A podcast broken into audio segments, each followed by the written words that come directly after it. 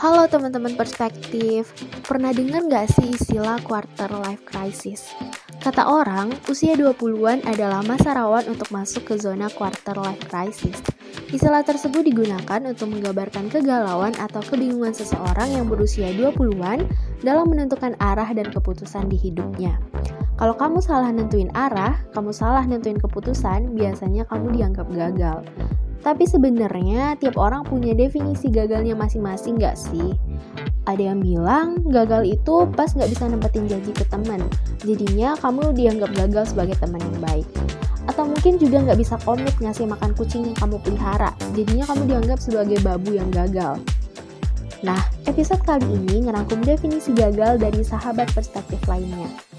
Yuk kita dengerin kapan sih mereka merasa diri mereka gagal,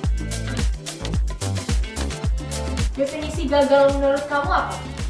Gagal itu ketika kita nggak bisa memenuhi ekspektasi diri sendiri dan juga orang lain. Terus kita ngerasa stuck, nggak tahu mau ngelakuin apa-apa gitu. Um, saat aku harus mengusaikan hal yang seharusnya belum usai. Ketika oh, menjalani sesuatu tapi tidak sesuai dengan apa yang ingin kita capai. Jadi itulah gagal menurut aku. Uh, gagal menurut aku itu adalah ketika kita melakukan sesuatu tetapi tidak sesuai dengan apa yang kita inginkan. Pernah merasa gagal nggak? Kapan? Aku pernah ngerasa gagal dulu waktu SMA. Jadi aku tuh ke lomba, jadi semua orang itu pada menang, aku sendiri yang enggak. Jadi aku ngerasa terpuruk aja gitu. Pernah dong gagal mas UGM. Pernah sih waktu dulu waktu jadi salah satu ketua organisasi di angkatan aku waktu SMA jadi aku tuh waktu itu nggak nggak terlalu oh, berhasil dalam menjadi ketua itu. Jadi aku merasa gagal dalam itu. Uh, setiap manusia pasti pernah merasa gagal apalagi aku ya. Uh, kalau aku gagal itu waktu ketika bawa tim aku tim basket itu juara uh, di uh, tingkat provinsi. Dan itu uh, sangat uh, gagal sekali uh, dan kecewa apa yang kamu lakukan ketika kamu merasa gagal? Waktu itu, uh, contohnya aku waktu ngerasa gagal itu, aku ngerenung sendiri sih. Itu perjuangan mereka itu uh, udah banyak, sedangkan aku nggak. Jadi aku berkaca pada diri sendiri, uh, bermuhasabah gitu, introspeksi diri, dan mencoba menjadi lebih baik lagi. Duduk dulu, tarik nafas, nangis yang pastinya introspeksi diri ya yang pertama melihat apa kesalahan kita lalu mencoba merubahnya. Uh, lebih ke introspeksi diri kerja kerja keras lagi bareng-bareng sama teman-teman apalagi diri sendiri juga.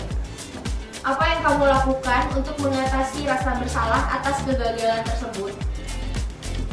Um, mungkin aku lebih mengubah pola pikir aku bahwa setiap manusia itu punya kegagalannya masing-masing. Jadi aku nggak perlu ngerasa tidak percaya diri gitu. Tapi ya aku fokus aja untuk mengubah apa yang salah dari diri aku gitu. Um, hibur diri sendiri sih kayak me time.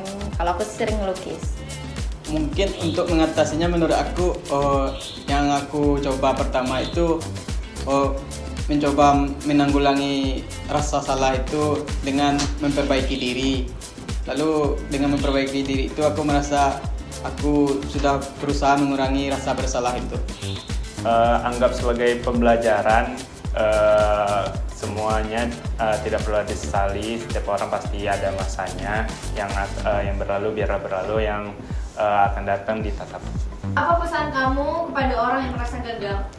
Uh, hidup ini bukan untuk berlomba ya kita punya jalan yang masing-masing jadi jangan pernah merasa mundur gitu jangan pernah merasa ketinggalan gitu. um, gagal itu bagian dari kesuksesan. Jadi kalau mau sukses banyakin gagalnya biar suksesnya lebih sukses lagi. Buat orang-orang yang pernah merasa gagal jangan takut gagal karena kegagalan itu adalah bagian dari kesuksesan kita ke depannya.